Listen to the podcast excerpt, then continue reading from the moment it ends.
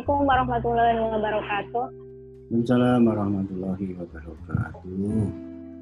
Alhamdulillah wassalatu wassalamu ala rasulillah amma Yang kami hormati eh, Bapak Dr. Andes Bejo Santoso MT PhD selaku WR1 Universitas Sultan Agung sekaligus PLH Rektor yang kami hormati pula pimpinan Fakultas Ekonomi dan Bisnis Islam, pimpinan Prodi Manajemen Keuangan Syariah, dosen-dosen Manajemen Keuangan Syariah, dosen-dosen Fakultas Ekonomi dan Bisnis Islam, dan tak lupa pula yang kami hormati para uh, webinar lovers di seluruh penjuru dunia yang sudah senantiasa setia mengikuti uh, webinar series ini. uh, pada tahun kemarin tahun 2019 uh, diselenggarakan salah satu uh, KTT tingkat tinggi negara muslim di Kuala Lumpur Malaysia. Salah satu agenda pembahasan dalam KTT tersebut membahas tentang bagaimana menciptakan stabilitas keuangan dunia. Nah, untuk menciptakan salah satu uh, menciptakan stabilitas keuangan uh, dunia, uh, Datuk Mahathir Muhammad uh, menyarankan uh, agar uh, menggunakan kembali dinar emas sebagai uh, mata uang uh, khususnya mata uang uh, bagi negara-negara Muslim. Kemudian baru-baru uh, ini uh, Tiongkok mengejutkan kita. Selain mengejutkan kita pada bulan Januari dengan virus uh, eh, COVID-19 baru-baru ini Tiongkok mengejutkan kita karena Tiongkok uh, telah mengeluarkan uang digital sebagai alat pembayaran dan akan meninggalkan uh, fiat money sebagai alat pembayaran, di mana uang digital ini akan uh, didasarkan pada emas uh, sehingga menutup kemungkinan bagi para spekulan untuk berspekulasi dengan yuan. Nah, kenapa uh, fiat money ini sepertinya akan ditinggalkan oleh uh, beberapa negara, bahkan mungkin secara global akan meninggalkan fiat money. Karena dengan fiat money ini terbukti uh, keuangan dunia menjadi tidak stabil. Contohnya uh, keuangan uh, sistem keuangan di Indonesia, apalagi Indonesia uh, kita sadari bahwa currency Indonesia ini merupakan currency yang lemah sehingga dia uh, tidak tahan terhadap gejolak uh, dolar. Nah, bagaimana uh, kemudian sekarang uh, pertanyaannya adalah bagaimana uh, dunia ini bisa menciptakan uh, suatu mata uang yang stabil mungkinkah kita uh, akan kembali menggunakan uh, dinar ataupun dirham sebagai mata uang yang dinar itu uh, menggunakan emas atau setidaknya kita akan uh, menggunakan uh, fiat tetap pakai fiat money tetapi dengan di uh, backup oleh emas seperti uh, dolar uh, seperti dolar Amerika pada tahun sebelum 1971.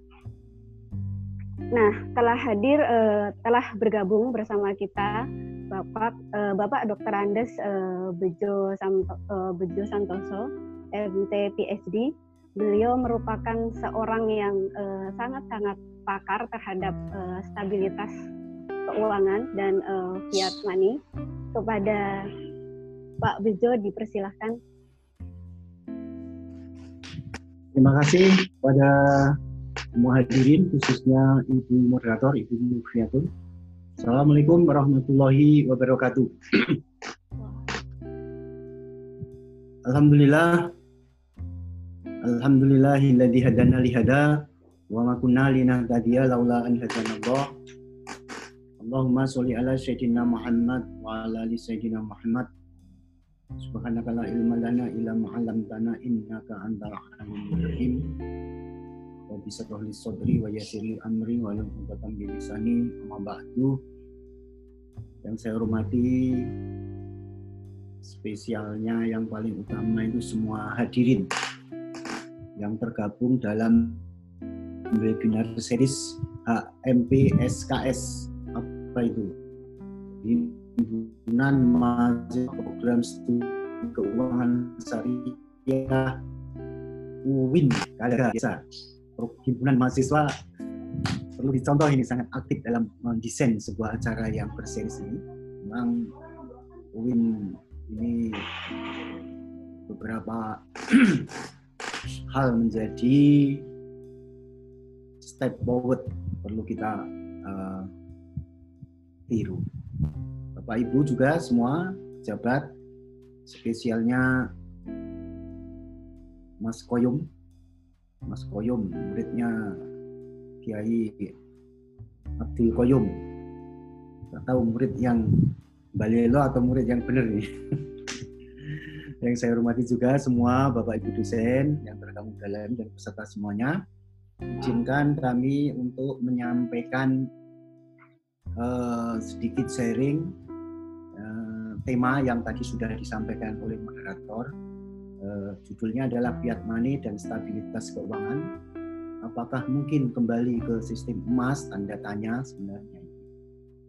Nanti presentasi saya ini saya kira kurang lebih 30 menit ini saya cepatkan saja karena ada 50 slide slide nanti uh, highlight saja ya pertama kita harus kenal sistem emas problem sistem keuangan semasa. Semasa itu aslinya bahasa Malaysia.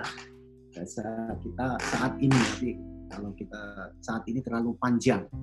Kemudian fiat money fractional reserve banking dan interest inilah yang disebut dengan three pillars. Nah, kemudian kita nanti kita bagi kisah sukus dan putus, masalah-masalah yang timbul eh, akibat sistem keuangan semasa, kemudian alternatif solusinya bagaimana dan model implementasi mata uang yang mungkin, uang emas yang mungkin. Dan presentasi saya ini tidak sempat mengedit, saya cuplik sana cuplik sini dari beberapa pakar antara lain guru saya Rob Medin Merah juga beberapa kawan sumber di sini ada Pak Wono dan seterusnya. Oke, yang pertama apa pernah sih mata uang emas itu merajai dunia eh, mata uang di seluruh dunia? Ini dari segi kacamata histori, ini ya pernah. Itu pertama bimetallic system. Ini bahkan jauh sebelum masehi itu sudah diterapkan. Goldsmith goldsmith uh, abad 17-an sampai 18 classical gold standard abad 19 kemudian floating exchange system ini perang dunia pertama itu ya berakhir kemudian gold standard system 2 yang tahun pas ketika 1925 ini. Kemudian floating exchange system ini pada menjelang dunia dua ini semua masih memakai emas.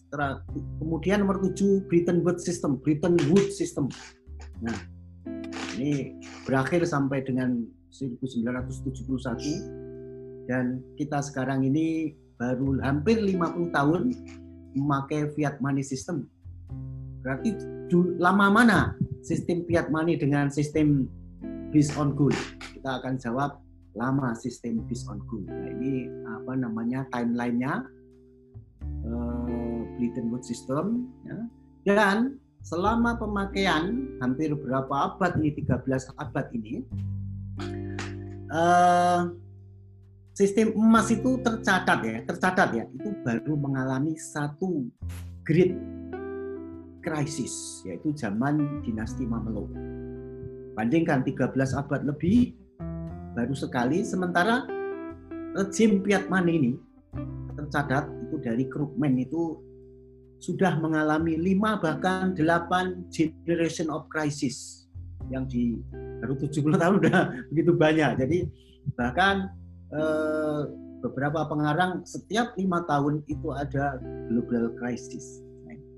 Nah inilah kalau ini di era Islam, era Islam itu gold dirham in Islamic period itu dimulai zaman Rasulullah kemudian berakhir pada Bretton Woods ini terakhir pada uh, Khalifah Utsman uh, 1918 ya.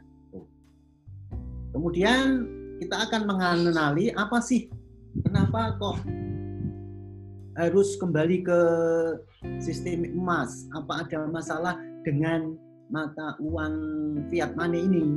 Ya tadi secara sekilas sudah saya sampaikan, iya, uang diterapkan 70 tahun saja, 50 tahun saja sudah global krisisnya sudah hampir tujuh kali.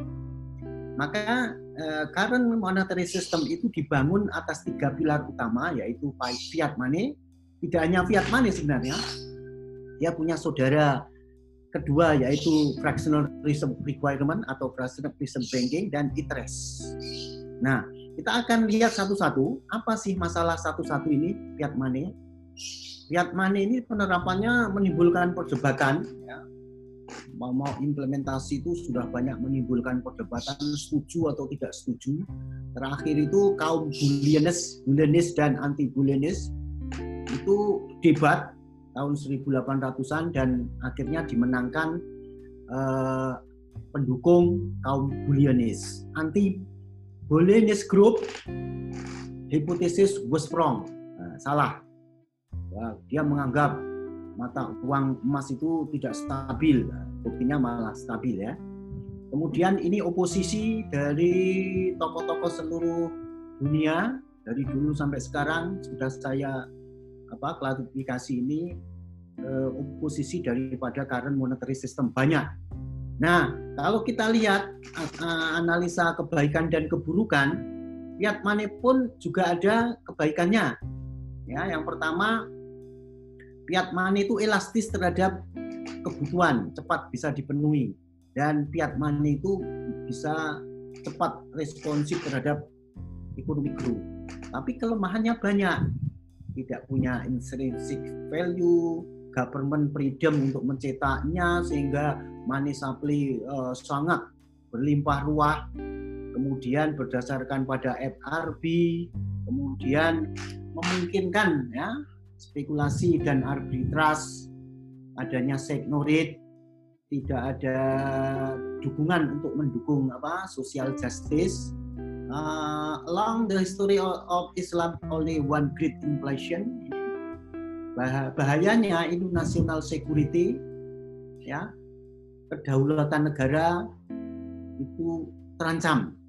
Nanti di dalam kisah sukus dan tupus bagaimana sebuah negara itu bisa terancam kedaulatannya hilang gara-gara hanya uh, sistem keuangannya ini kemudian gold dan uh, uang emas dan perak itu pun juga banyak uh, keunggulannya ini yang nanti kita lanjutkan ya. Kemudian ini beberapa fakta tadi sudah saya singgung bahwa selama penerapan 50 tahun itu sudah berapa ini? Five generation 2010 European crisis, crisis, financial crisis. Kemudian tahun berapa ini? 98 itu. Itu ada. Ini. Third generation, fourth generation dan seterusnya. Bahkan 2018 2000 ini pun masih krisis. Semuanya itu diduga karena permainan spekulasi instability daripada uh, mata uang atau current monetary system. Ini uh, ulama-ulama uh, yang mengkritik terhadap uh, current monetary system, sistem fiat money banyak sekali. Uh, fiat money itu menyebabkan ke kekayaan hilang yang karena inflasi terjadi. Misalnya gini, dalam 40 tahun rupiah mengalami penurunan daya beli rata-rata 8% per tahun. Dalam dalam 40 tahun US dollar mengalami penurunan rata-rata 5% tahun 5% per tahun inflasi di Indonesia mencapai 78 persen. Jadi dengan inflasi 7,5 persen per tahun saja dalam tahun 10 tahun dia hidup rata-rata meningkat.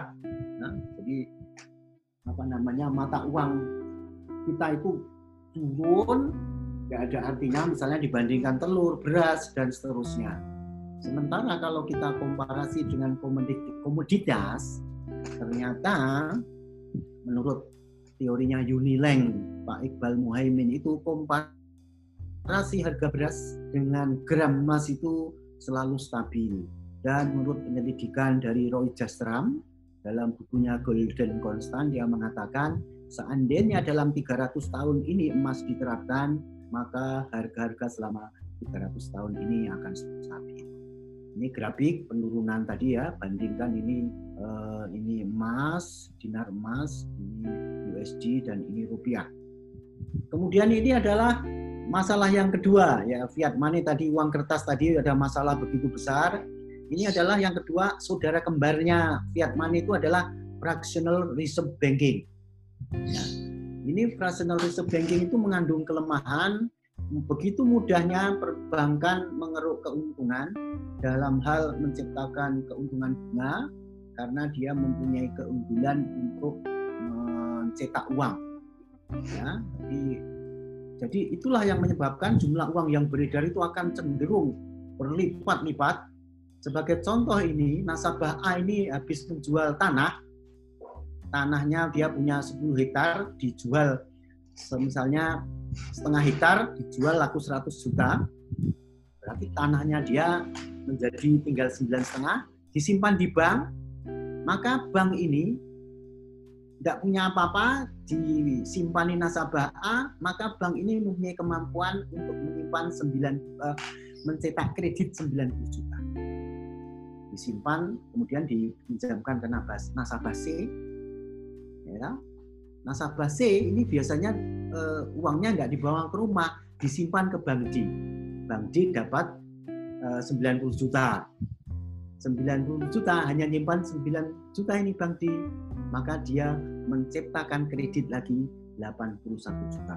81 juta terus maka maksimal dari 100 juta yang di apa nasabah A ini ada kemungkinan uang yang beredar ini sampai 1M. 10 kali lipat jika reserve requirement-nya 10%. Nah, di sini tahu-tahu sumber uangnya dari sini malah kemudian ini punya uang 81 juta dibeli tanahnya tadi.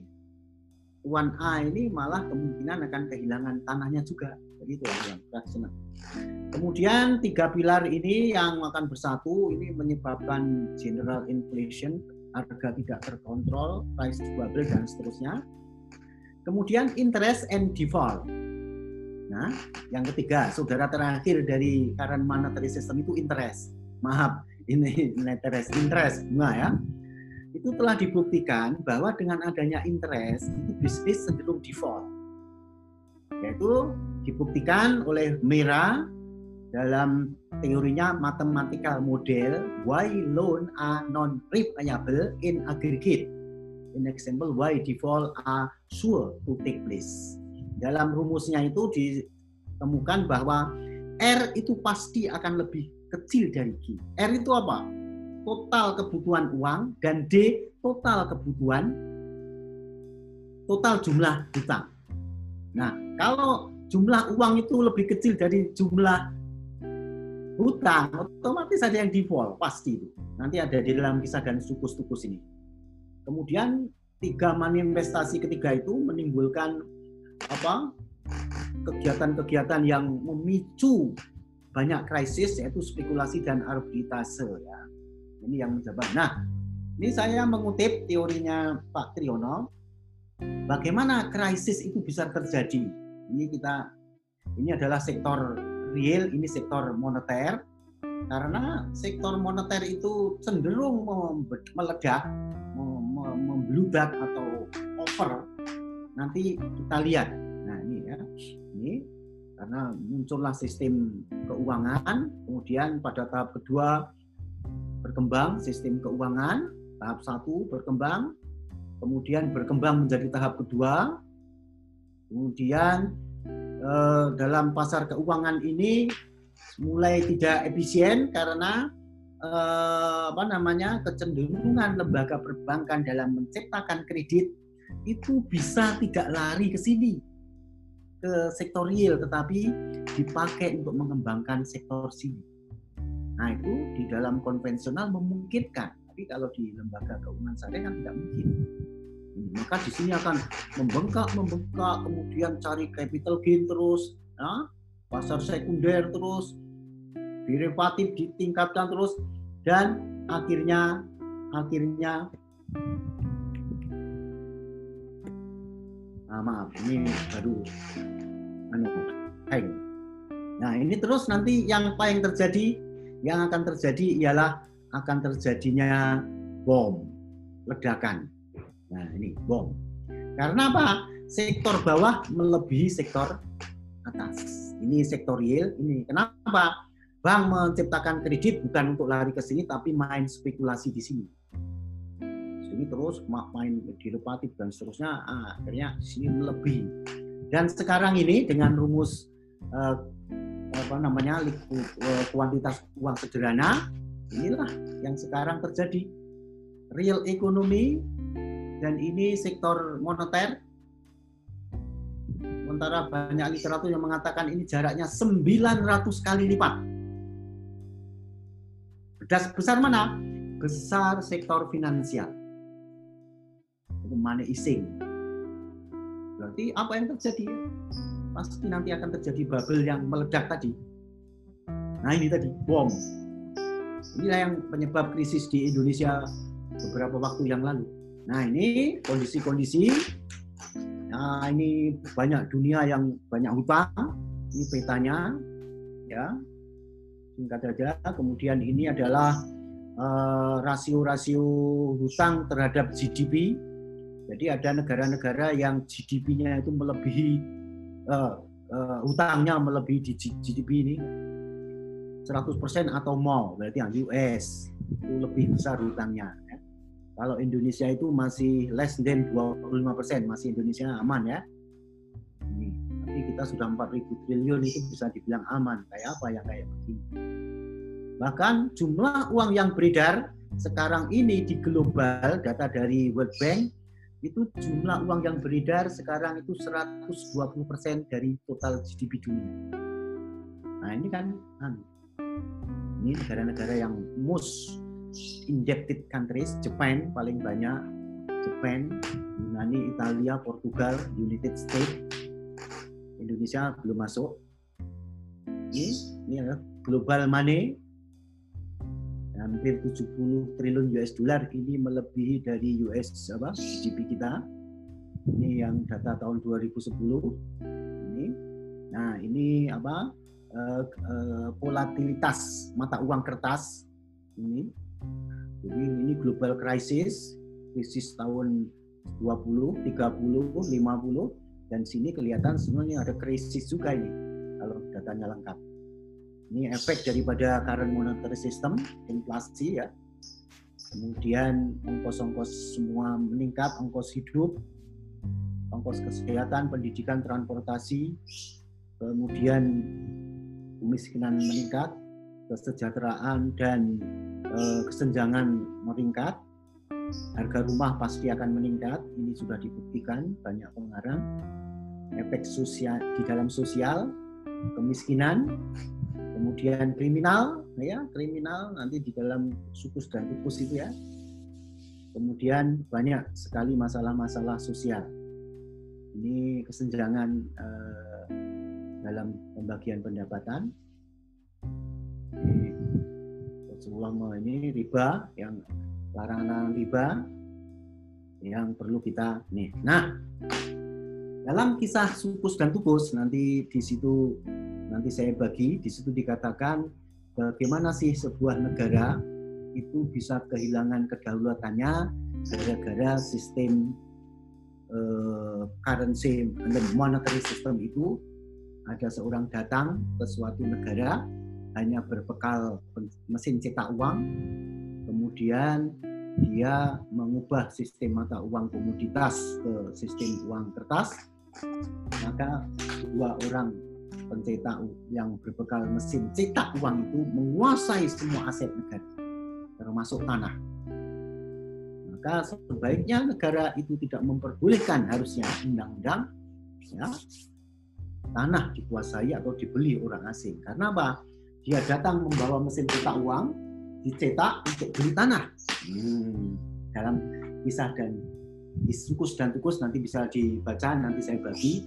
Itu hanya gambaran simple, tapi inilah yang terjadi uh, ilustrasi, namanya ilustrasi.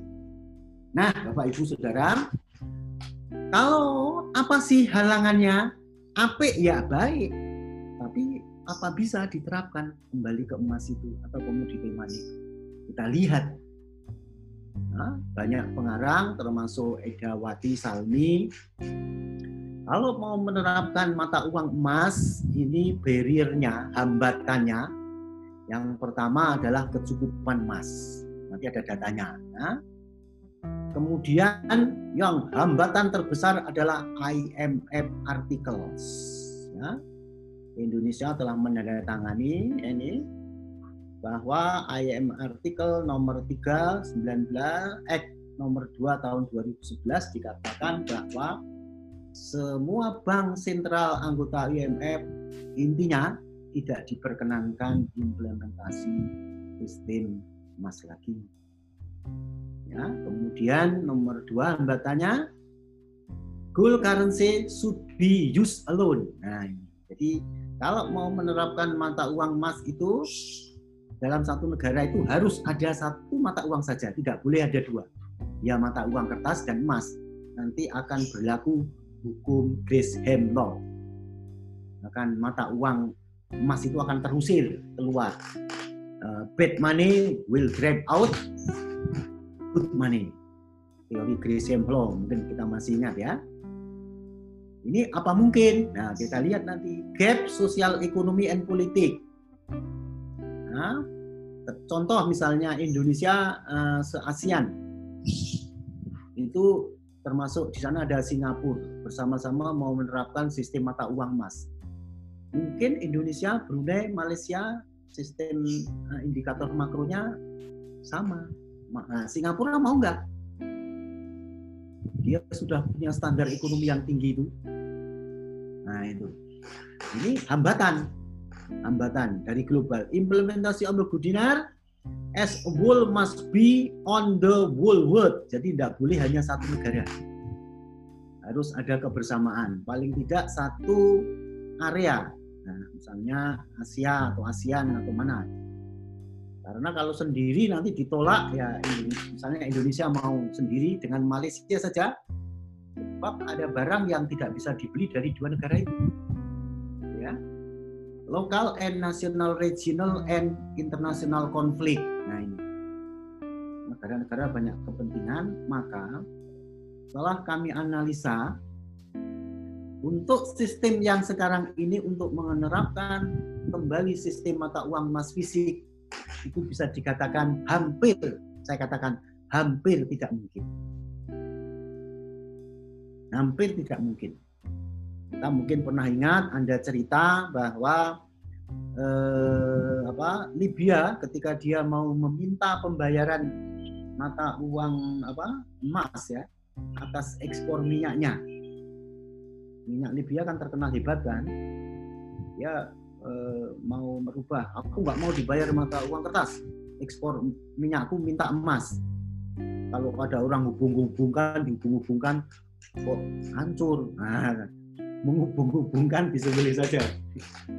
Ini dihancurin kan. Nah, apakah ya dihancur atau sedih walau walau. Nah, kemudian ini adalah stok apa emas nggak nggak nggak nggak sama.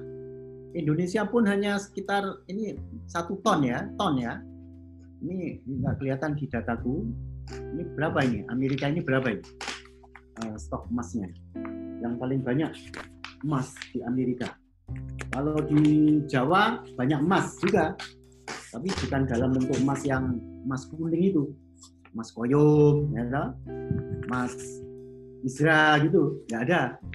Ini paling banyak di Amerika dan kita ya mungkin kita boleh dibilang keliru.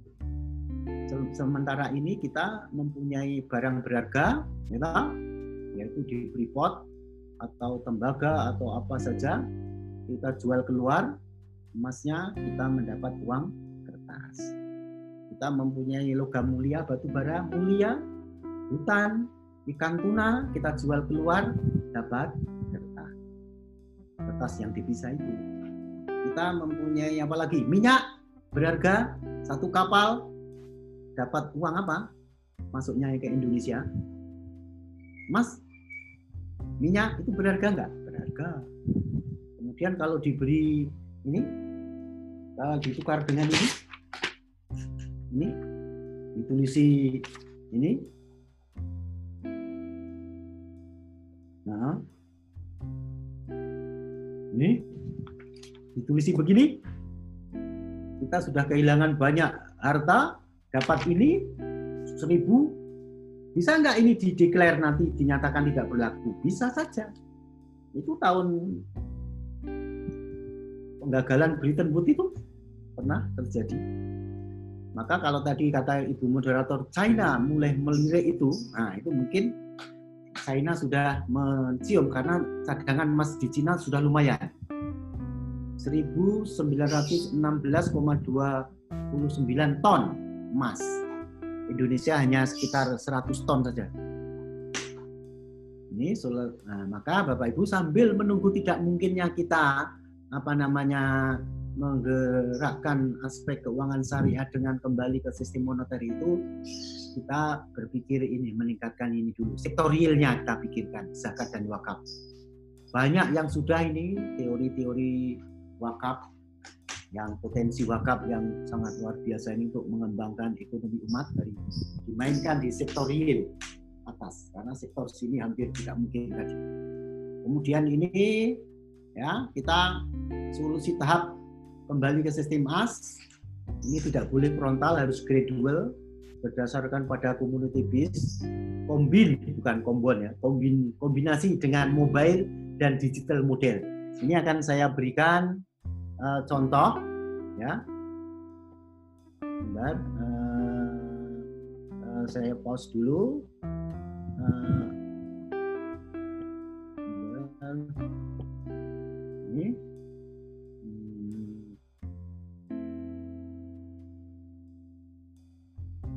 Nah ini saya akan share kepada Bapak, Ibu, Saudara, model ini implement sudah anu ya, sudah tampak ya? Oh, belum. Nah ini.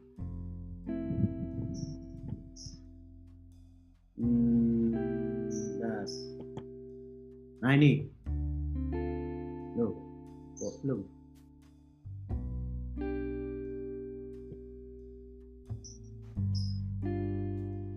nah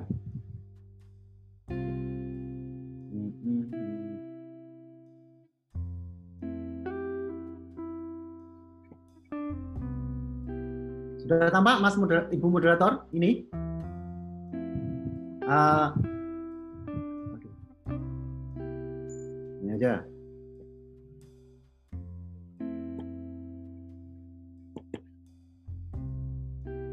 masih ini ya? Uh, mungkin ini Pak, uh, stop screen dulu, kemudian baru nanti diganti dengan screen yang baru Pak, seperti itu. Jadi stop screen dulu. Oh, stop screen ya. Ya, ya, ya. baru nanti. Stop share. Ya, okay. stop share ya. Baru Bapak ya, pilih ya, lagi Pak. Ya, ya, ya, ini dia. Uh, nah ini dia.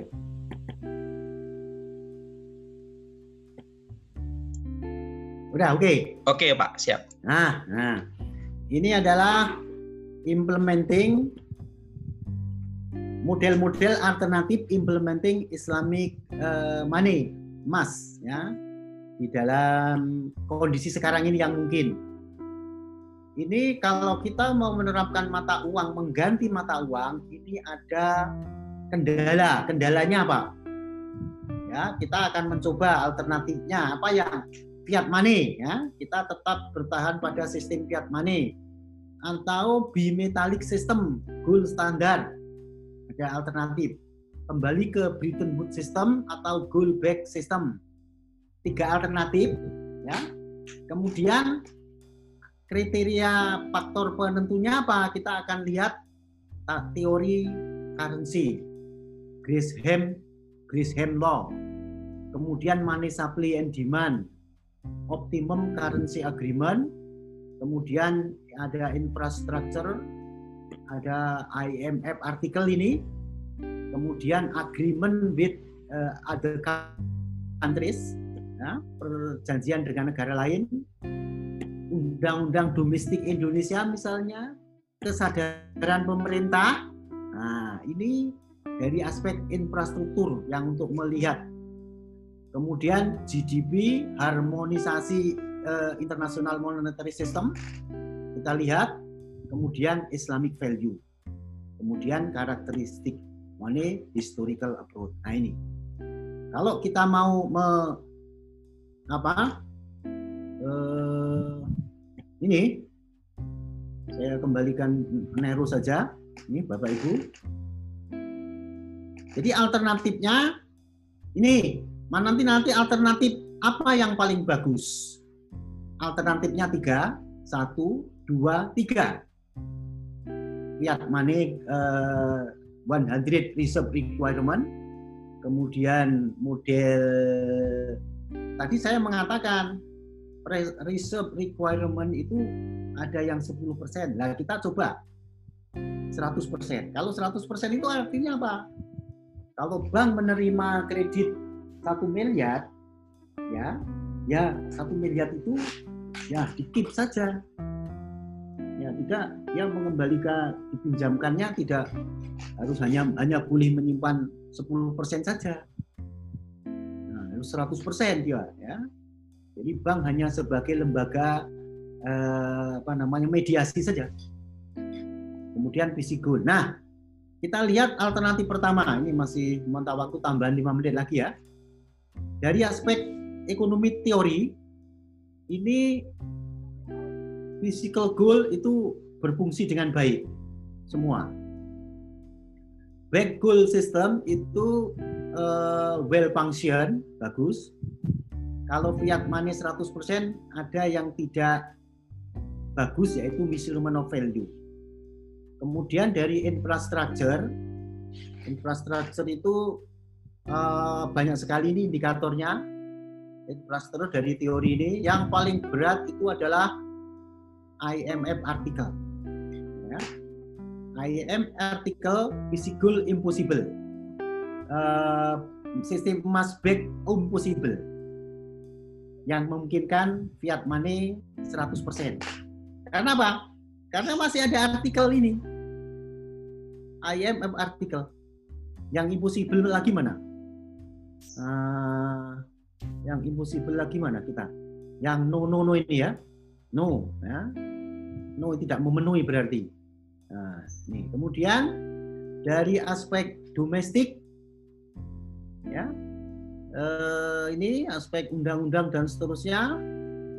Uh, dari aspek Islam memang ini not all semua maka kalau kita lihat ya, kita lihat yang memungkinkan karena ini sudah ada kata-kata impossible sih, yang memungkinkan ini sistem itu adalah sistem 100 reserve requirement. Sistem emas tolak, pasti ditolak di sini.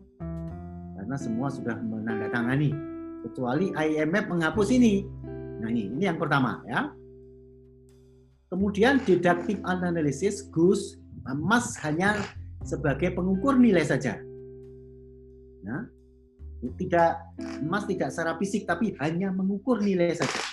Artinya apa? Emas itu nanti ada bank custodian, ada lembaga yang selalu mengkompatibel eh, kompatibel harga sesuatu dengan harga emas. Nah, kita nanti yang paling mungkin kalau sama ini alternatifnya physical goal, fiat money, goal as measurement of value. Emas hanya sebagai pengukur nilai, nilai saja. Ini well function, well function. Semua, semua well function dan uh, kita lihat dari aspek uh, artikel IMF. Nah ini, kalau sistem emas masih impossible, kalau emas hanya sebagai pengukur nilai, kemudian yang berlaku itu juga uang kertas, ini not involved in the requirement. Jadi tidak apa? tidak direcoki oleh artikel IMF. Jadi artinya kemungkinan memungkinkan asal disupport oleh yang lain. Ini alternatif kedua. Kemudian kita akan melihat alternatif ketiga, penerapan mata uang emas. Ini sudah saya usulkan sejak 2014. Propose possible alternative model of mobile payment system, mobile digital pay, digital money atau uang digital based on goal as measurement of value. Kita lihat analisanya. Analisanya alternatifnya goal based commodity money, ini alternatifnya atau fiat money. Sistemnya pakai digital payment system dan credit clearing. Ya. Menimbulkan analisa saya dengan didaktif sederhana analisa itu memungkinkan. Ya, jadi memungkinkan alternatif model ini, mobile payment system based on goal as measurement of value. Jadi nanti sesiapa yang mempunyai emas itu tidak perlu dibawa ke mana-mana. Emas itu diletakkan pada sebuah bank custodian, kemudian dipindahlah emas itu ke dalam sini. Ya, ke mana-mana kita akan pakai ini dan pembayarannya dengan mana-mana transfer antar peralatan handphone dengan handphone ini, ini misalnya ini alat equipment IMO ya kirim red itu seperti M-Pesa itu M-Pesa itu di Tanzania sudah sudah diterapkan dengan masif tapi masih based on uang kertas tapi kalau sini hmm. hambatannya apa kita lihat ya kalau ada kredit clearing itu semua yes. Apakah the best way serve the purpose of mediating in the modern economic? Kalau apa? Commodity money no. Fiat money jelas yes. Digital yes. Kredit clearing yes. Ini gabungan. Apakah uh, mobile digital money ini can use as medium to settle account ya kalau komoditi money tidak terlalu ribet. Lihat money tentu saja yes. Digital yes. Pakai kredit clearing ya. Is the best way to store of value? Ini yes. Lihat money tidak. Karena harganya tadi jatuh terus toh. Digital payment system tidak terlibat karena dia pakai emas tadi. Is the best way to provide financing for capital formation to deal with the economic growth ini tidak bisa karena susah untuk menambah jumlah emas seketika fiat money yes digital payment system yes yes is the best way to measure economic value yes no not involved not involved. jadi artinya ini memungkinkan dengan catatan ya is the best way to deal with the Islamic value? Yes, karena ini mata uang emas. Fiat money? No. Ya. Kemudian kalau digital money, yes, if combined with gold as measurement of value. Is the best way to achieve economic sustainable, such as stable and just economic? Yes, yes, not no. Karena ini jadi kesimpulannya seperti itu. Maka Bapak Ibu Saudara, untuk menerapkan back to goal system ini memang tidak mudah karena untuk urusan mata uang itu dari analisa saya keuangan sistem keuangan itu bukan sekali lagi bukan. Bukan tugas individu bukan tugas komunitas melainkan tugas negara. Negara yang terikat dengan perjanjian global inilah yang masih menjadi hambatan utama ya. Ini yang menjadi keprihatinan kita. Kalau nanti negara superpower itu sudah menginisiasi kembali ke emas, kemudian mau meratifikasi undang-undang, ya mungkin itulah sudah saatnya. Nah, siapa tadi yang akan uh, support back to gold, revisiting gold as currency? Nah ini perlu kita support. Tapi apakah mempunyai maksud-maksud tertentu? Wallahu alam. Tapi kita tidak boleh kehabisan energi untuk memikirkan satu ini. Ya, kalau sudah tidak mungkin karena itu tugas negara ya kita serahkan saja sama negara. Kita tidak mungkin ngomong begini. Lah yang dulu tanda tangan artikel AIMF itu kan zamannya mbah-mbah saya.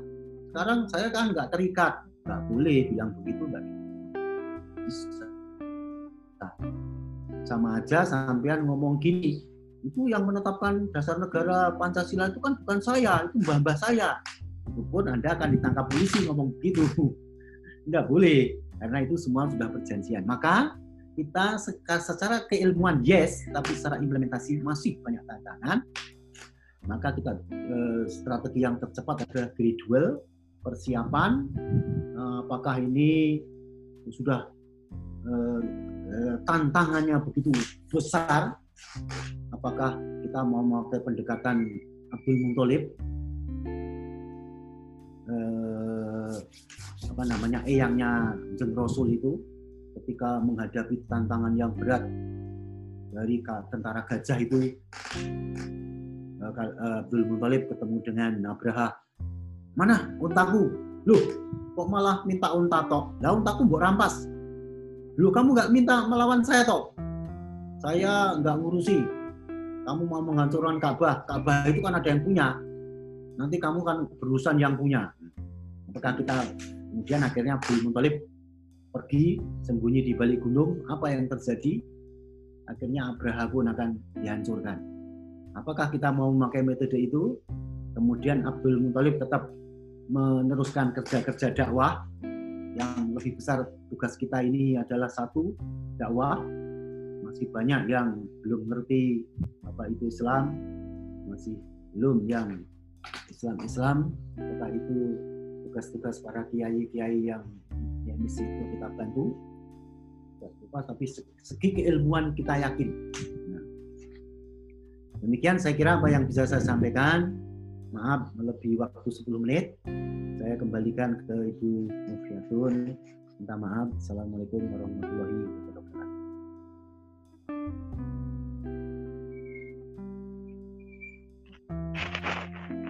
Kasih Pak Bejo atas penjelasannya yang sangat komprehensif dimulai dari sejarah penggunaan mata uang dari zaman sebelum Masehi sampai uh, sekarang. Kemudian uh, Bapak menjelaskan pula bagaimana kelemahan dan kelebihan fiat money, kelemahan dan kelebihan kalau menggunakan emas serta uh, bagaimana tahap kalau kita mau kembali ke emas uh, kemungkinan-kemungkinan uh, kalau kita memang susah kembali ke emas uh, solusinya seperti apa dan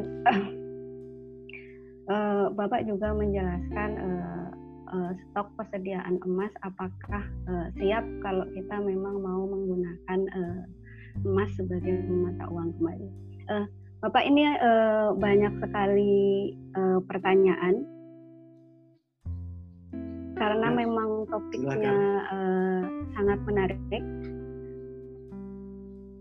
Namun dari yang banyak tersebut kemungkinannya tidak uh, tidak bisa uh, diungkap semua karena keterbatasan waktu. Jadi uh, saya pilih yang kira-kira uh, pertanyaannya bisa menyeluruh. Ya. Jadi uh, pertanyaan yang pertama Pak dari namanya Abdul Adim dari Fakultas uh, Ekonomi dan Bisnis Islam UIN Sunan Kalijaga. Uh, Mas Abdul Adim ini ada dua pertanyaan. Pertanyaan yang pertama adalah bagaimana nilai uang jika uh, emas diperjualbelikan. Kemudian pertanyaan yang kedua ini uh, saya rasa tadi Bapak sudah menyinggung bagaimana dampak nilai uang rupiah jika dalam satu negara menggunakan dua mata uang. Jadi kalau misalnya di Indonesia itu Indonesia menggunakan uh, mata uang rupiah dan mata uang emas. Tapi tadi Bapak sudah menjelaskan bahwa dalam suatu negara itu tidak memungkinkan uh, menggunakan dua mata uang. Nanti mata uang yang bagus akan dikalahkan oleh mata uang yang uh, kualitas uh, dengan kualitas yang kurang bagus. Jadi nanti yang menang kira-kira kalau dari pertanyaan yang kedua saya membantu menjawab adalah tetap rupiah yang akan menang yang beredar di masyarakat. Jadi uh, pertanyaan yang pertama Pak, bagaimana nilai uang jika emas ini diperjualbelikan? Ya, langsung dijawab Mbak. Bu. Monggo Pak. Iya.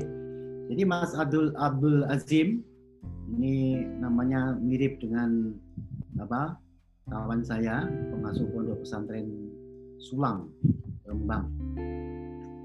Abdul Adil, Mas Adil ya. Jadi untuk yang pertanyaan kedua sudah saya jawab. Itu tidak mungkin ya. Satu dua dua double standar itu diterapkan bersama-sama. Itu nantilah memperburuk citra. Jadi harus uh, untuk sementara dua. Nah harus dipindah ya.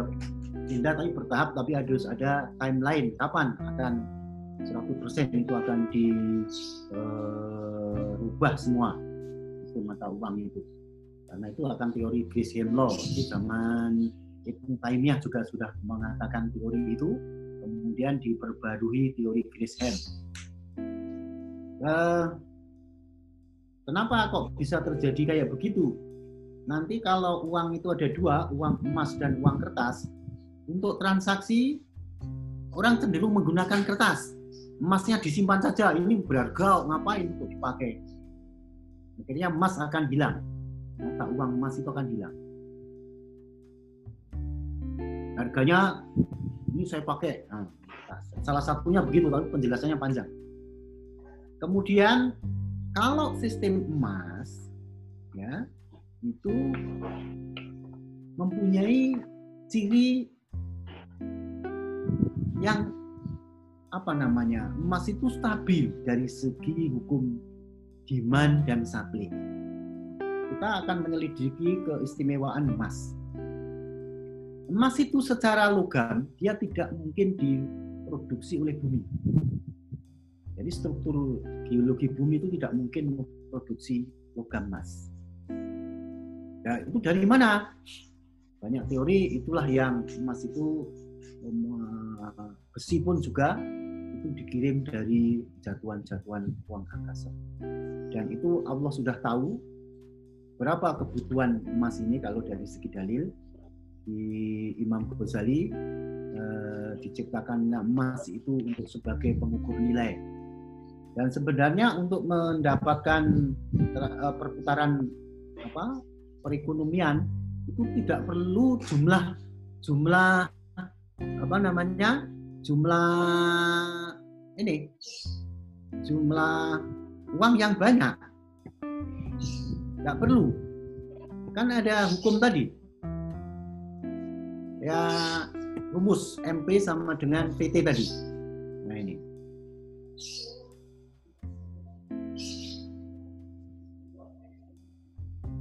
Nah ini dia. Nah ini ada rumus uh, slide-nya kok hilang.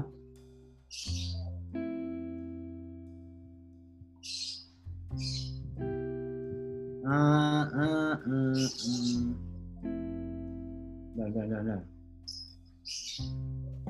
Ada rumus uh, MP sama dengan PT Mana tadi?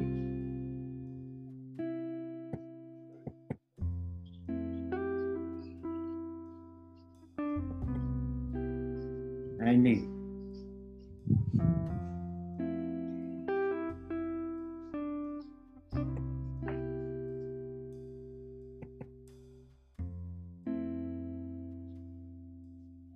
Nah ini ada rumus bahwa kalau kecepatan kecepatan jumlah jumlah uang yang beredar itu bisa satu juta tapi kalau satu juta rupiah itu bisa berpindah dengan digital secepat ini ini ini. Price kali itu adalah total apa real GDP pendapatan nasional. Dalam waktu satu detik itu uang bisa berpindah ke seribu kali masyarakat kalau dengan digital. Mungkin saya bayarkan ke tukang mie ayam, tukang mie ayam kirimkan anaknya dalam seketika itu ke yang anaknya masih sekolah, anaknya yang sekolah detik itu juga membayar SPP, terus universitasnya langsung membayari gaji, cepat sekali. Jadi V ini adalah velocity, kecepatan. Ya, sebenarnya untuk keterbatasan emas ini, ini sebenarnya tidak ada masalah, asal kecepatan itu bisa diatasi. Nah, kalau seandainya emas itu langka, ya, itu pasti harga emas akan naik, ya kan? Hukum permintaannya begitu. Kalau harga emas akan naik, Bapak Ibu, apa yang terjadi? Orang akan berlomba-lomba mencari tambang emas. Karena mencari tambang emas itu kan harganya ada biayanya toh, tapi masih untung. Harga emas tinggi kok. Harga emas katakanlah satu gramnya sekarang 2 juta. Sementara nambang emas total satu gramnya satu juta, ah saya berani nambang emas. Nanti ya kalau emas itu sudah berlimpah kembali, pasti harga emas akan turun. Kalau kelebihan, emas mempunyai kelebihan. Ya. Kalau nanti jumlah emas itu melebihi dari kebutuhan uang, sebagian emas itu bisa dijadikan perhiasan. Saya ulangi, kalau nanti emas itu melebihi jumlahnya untuk uang, sebagian bisa dijadikan perhiasan. Tapi kalau kertas bisa nggak? Kalau kelebihan kertas, kertas bisa untuk perhiasan nggak? Tidak bisa. Nah, menambahkan kalau sektor ini lebih besar, ya, itu penyakit. Jadi penyakit ini, ini penyakit kalau ini melebihi. Nggak bisa kalau uang kertas lebih mau dibakar, nggak bisa. Saya nering mungkin jadi jangan dibayangkan Mas Azim bahwa kalau emas itu nanti diperjualbelikan, diperjual diperjualbelikan dengan apa? Wong asumsinya dalam negara itu kalau menerapkan sistem currency hanya ada satu, diperjualbelikan untuk apa? Paling tukar menukar, ya. emas ditukar dengan beras. Nanti ada semacam bank kustodian ya yang menjadi kalau itu diterapkan dalam model saya itu itu kayak lembaga clearing. Lu kalau begitu ribet apa ada lembaga clearing? Mas, lah saiki apa ya ora ribet. Lihat money itu biayanya berapa ratus triliun. Ayo goleknya nang Bank Indonesia takono. Berapa ribu triliun untuk mengamankan nilai mata uang kertas itu? Polisinya apa meneh? apa meneh ayo apa meneh banyak keliling lembaga ini transfer ngono kontar negara biaya kos cetak sama bahkan penyelidikannya kawan-kawan di UK itu ongkos untuk mengamankan pound sterling itu lebih besar daripada biaya stabilitas itu sendiri itu Nek jadi nek secara teori lo, api ning sayangi ora mungkin. Tapi ya ngamuk ora iso. ngamuk malah dihancurkan kaya Irak ya. Marekoso. Kaidah ya apa?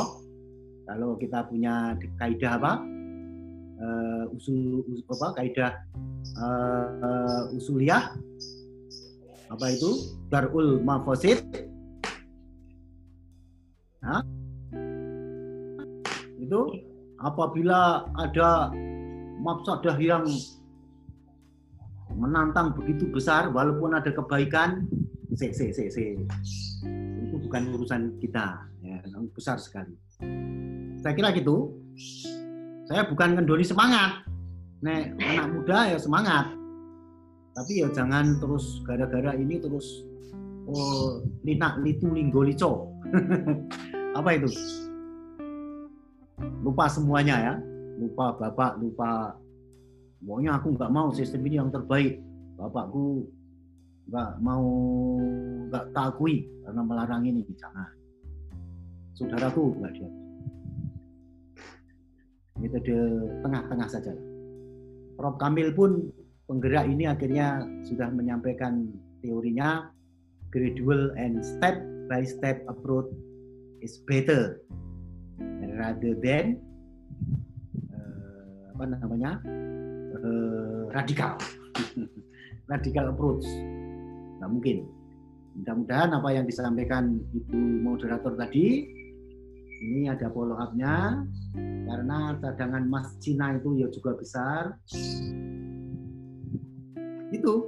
Baik Pak Bejo, Oke. untuk eh, pertanyaan selanjutnya ini tentang eh, penggunaan mat- eh, penggunaan emas tetapi menggunakan mata uang digital. Jadi pertanyaan ini dari Ustazah Lailati Syarifah.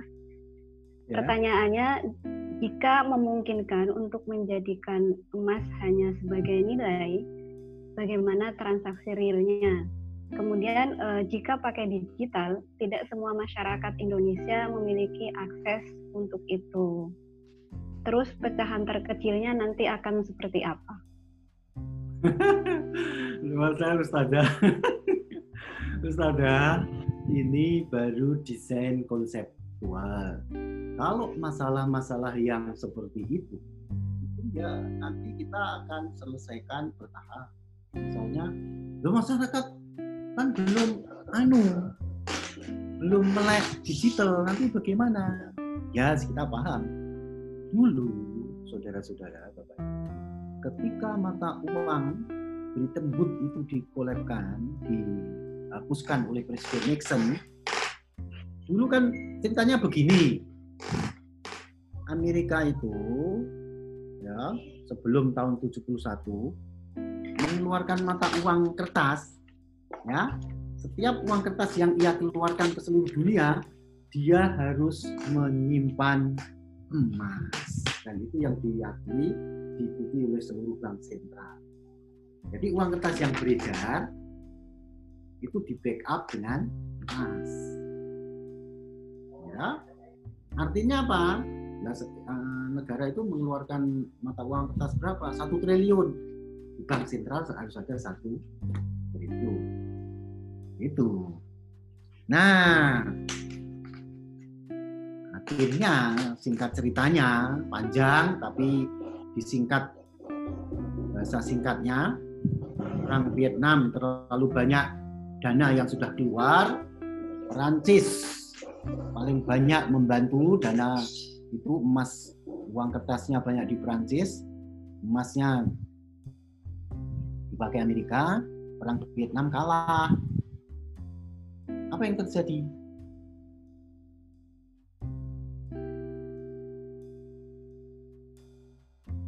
saudara seluruh dunia setiap dolar yang ada tidak perlu dengan emas. Itu dengan sosialisasi luar biasa. Yang yang banyak menolak urung siap. Lah aku kadung nyekel dolar ki piye? Nah. nanti sama kalau itu nanti akan dimulai dengan sistem digital itu. Ya nanti lembaga apa kustodiannya bagaimana lembaga clearingnya bagaimana Junileng sudah disimulasikan nanti jenengan buka di gredinar.com itu ada lembaga kompatibelnya. Bagaimana mengukur emas dengan beras? Nah itu sepadannya ada. Kalau emas dengan kambing nggak usah karena sampai sekarang pun masih sama. Satu kambing pun masih 4 gram emas. Ya, kambing gemuk itu sekarang kalau harga emas normal itu ya 4 gram. Sekarang. 4 gram misalnya katakanlah kan yang sekarang hampir 2 juta 900 kambing kalau 4 gram aja seperti itu. Zaman dulu zaman Rasul ya Rasulullah menyuruh sahabatnya pergi ke pasar satu dinar ya dapat kambing itu artinya apa? Kalau emas dijadikan standar pengukur nilai relatif stabil. Nggak percaya. Kalau nggak percaya nanti data itu sudah diselidiki oleh eh, Roy Jastram dalam bukunya Golden Constant nanti dicari di internet. Ada itu. Bagaimana penyelidikan Roy Jastram ketika emas itu dijadikan pengukur nilai standar of value. Terus bagaimana nanti menyimpannya ke dalam emas?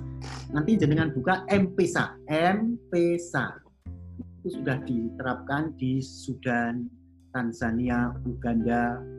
Jadi seseorang pergi ke lembaga-lembaga apa penukaran uang di setiap eh, jalan-jalan itu ya kalau kita yang mungkin apa toko-toko yang besar-besar itu eh, toko-toko makalah atau apa toko pulsa atau apa ini saya mau menyimpan uang kertas berapa itu? Satu juta. Kasihkan. Itu gede-gede itu. Terus oleh gede masukkan. Shoot masukkan ke sini. Nah, terus masukkan ke sini. Nah saldoku sudah satu juta. Mau bayar apa ini? Sen. Kirim nah, anak di Jakarta. Sen. Infak sen. Berapa pecahannya?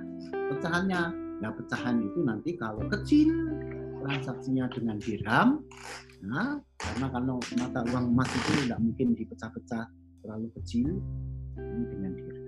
Bagaimana bentuknya?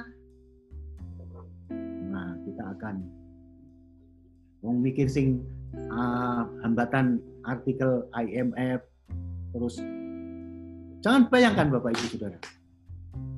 ASEAN yang ekonominya relatif indikator ekonomi makronya itu relatif stabil itu patah. Lalu kita nanti mengajak Singapura. Ya nggak mau toh kok dia goblok. Oh mata uangnya sudah tinggi banget begitu. Berapa sekarang? Kalau satu dolar sekarang berapa? Berapa? 16 ribu, ribu nah, lebih. ya. Singapura? 11 sekian toh. 10 ribu iya. Nah, 10 11 itu apa dia mau? Belum tentu mau. Hambatannya. Hambatannya besar. Yo anu toh Pak? Menerapkan negara Indonesia dewi. Ya udah bisa Indonesia dewi. Piye? Mau bayar-bayar? Ribet. Jadi harus the whole countries kalau mau menerapkan. Dan itu hambatan yang terbesar. Maka dengan hambatan yang begitu besar itu tadi saya mengatakan opo anu yo cocok. Mungkin saya tidak tahu ini para ahli syariah yang tahu. Apakah sudah saatnya ngomong seperti Abdul Muthalib itu? Ngerti bener tapi raiso ramampu jadi sampai saya itu Mbak Mufidun jawaban saya. Ya Pak ini satu pertanyaan terakhir ya Pak. Satu lagi. Go. ya. Ini pertanyaan dari Mas Kifayatul Ahyar pertanyaan begini Pak e, ketika kita ingin menggunakan mata uang berbasis emas maka e, kita menyadari akan kalah dengan Amerika dari segi cadangan emas. Sementara ada uh, modern mon, modern monetary monetary theory dikenal dengan namanya mencetak uang berdasarkan proyek. Nah, menurut Bapak, mencetak uang berdasarkan apa? Proyek, Pak. Proyek. -huh. Ya. Menurut Bapak, manakah yang lebih relevan untuk diterapkan di Indonesia saat ini ketika kita uh, cadangan emasnya tidak terlalu banyak? Pertanyaannya ya. seperti itu, Pak.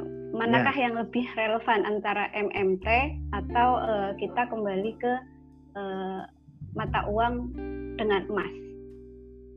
Ya. Eh, kita sekarang ini bicara tentang mata uang emas itu untuk apa toh? Untuk apa kita itu kok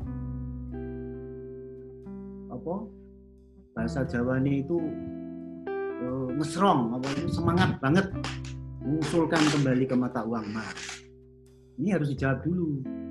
Alasannya yaitu mata uang emas itu mempunyai kelebihan yang tidak dipunyai oleh mata uang kertas. Nah itu pertama dulu. Mata uang kertas itu keburukannya apa? Sudah saya jelaskan 100 poin tadi. Ya toh? Ada apa namanya? Uh, satu aja yang paling jahat. Men-trigger krisis. Global krisis itu hampir setiap lima tahun, 10 tahun. Global sekali krisis ya itu yang menderita tidak satu orang Coba berapa juta rakyat Indonesia yang menderita krisis 98? 50 juta orang. Kalau teorinya Ibnu Khaldun, ekonomi rusak, hukum rusak, sosial rusak, yang lain rusak. Jadi kita harus mengamankan stabilitas ekonomi keuangan ini. Dulu zaman krisis itu membunuh orang mudah banget. Ya, karena dipicu oleh krisis keuangan. Nah, stabilitas inilah yang dibenahi oleh sistem emas. Keadilan dari aspek Islam ya. Ya. Kan banyak teori mengatakan ini tuh harganya berapa kok bisa ditukarkan kalau sampean bawa uang gini, sama loh harga kertas ini, 50 rupiah segini itu. Tapi mbok nggone Amerika kok rapayu. Sementara sama ini yang ini ke sini kok payu. Coba kalau emas, ke mana saja kan ini keadilannya. Aspek makosid syariahnya sudah oke. Okay. Ya, Terus dalam sistem mata uang emas ini kita akan coba implementasikan untuk juga aspek pertumbuhan. Emas itu ora iso menuju pertumbuhan, bisa mengejar pertumbuhan. Kan emasnya kurang. Ini, emasnya kan kurang.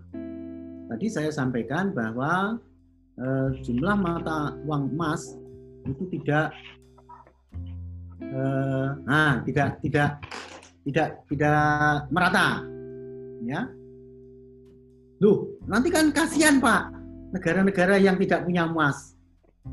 Nah, anda, tadi saya sudah mengatakan bahwa juga diberlakukan komoditi money. Ya, Indonesia kaya emas, tapi sekarang baru tinggal 100 ton. Brunei dia tidak punya emas tambang, tapi dia punya mie minyak. Nanti kan ada kompatibelnya. Ketika dia menjual minyak, sama akan dapat tahap, maka nanti ada kompatibel, kompatibelnya, komper, kompetnya, kompersinya. Terus kayak negara mana? Vietnam. Dia kaya emas dan kaya beras. Tidak apa-apa. Indonesia banyak kayu, maka satu kayu sekian emas. Kita mau jual kayu dapat emas. Nanti lama-lama itu akan anu akan merata ini. Karena semua orang nggak mungkin ini Amerika ini aku nggak mau beli apa-apa ah. Apa begitu kan enggak kalau dia beli minyak kan dia emasnya berkurang ya. Kalau dia mau beli besi emasnya berkurang. Kecuali Amerika itu punya emasnya banyak, semua bahan itu dia punya. Ya, tapi dia nggak punya penduduknya. Ya. Apa dia bisa penduduk seperti Indonesia ini yang uh, dia bekerja keras untuk menambang apa saja. Ya. Itu. Jadi jangan khawatir nanti emas yang terbatas itu eh, menghambat bertahap akan tapi namun demikian, Mas uh, Ahyar, sekali lagi saya uh, sampaikan bahwa jumlah uang yang terbatas sesuai dengan teori kuantitas uang yang tadi sudah saya sebutkan itu bisa diatasi ya, dengan velocity. Jumlahnya sedikit tapi kecepatannya beredar banyak, ini pun juga. Ya. Nah, velocity itu diatasi dengan apa? Digital. Satu menit bisa transaksi tiket itu seribu orang, seribu kali transaksi. Tapi kalau anu offline satu jam sepuluh antri ngetok tanda tangan. Jadi saya kira Mbak Betul ya. Ya, terima kasih Pak atas uh, yeah. pemaparan yang sangat luar biasa dan jawaban-jawaban dari pertanyaan juga sangat luar biasa. Uh, baik kepada audiens, uh, sekian uh, pemaparan dan jawaban-jawaban dari Pak Rektor. LH. Dari pema dari dari pemaparan-pemaparan tersebut, uh, bolehlah saya mengambil uh, sedikit kesimpulan dari sejarahnya memang terbukti bahwa uh, mata uang emas ataupun mata uang yang distandarkan pada emas terbukti uh, stabil tahan krisis dari jadi dari zaman sebelum Masehi sampai sekitar tahun 1971 uh, hanya ada uh, satu krisis. Kemudian 1971 Amerika mengumumkan bahwa dolarnya tidak lagi distandarkan pada emas berarti uh, mata uang yang berlaku di dunia pure mata uang uh, kertas yang tidak di backup dengan emas yang kalau sampai sekarang berlaku sekitar uh, 50 tahun dan uh, terbukti kelemahannya 50 tahun tersebut sudah menghasilkan 8 kali krisis. Namun uh, kalau kita mau kembali ke mata uang emas ada beberapa uh, halangan yang kita hadapi atau hambatan yang kita hadapi. Hambatan yang pertama adalah uh, kita harus uh, mengukur kecukupan emas kalau kita mau kembali ke mata uang emas. Kemudian hambatan yang kedua yaitu adanya uh, eh, IMF artikel yang tidak membolehkan negara-negara menstandarkan uh, menstandarkan mata uangnya dengan emas. Kemudian hambatan yang ketiga adalah uh, adanya gap yang sangat besar uh, dari negara antara satu negara dengan negara yang lain baik itu gap secara sosial, ekonomi maupun politik.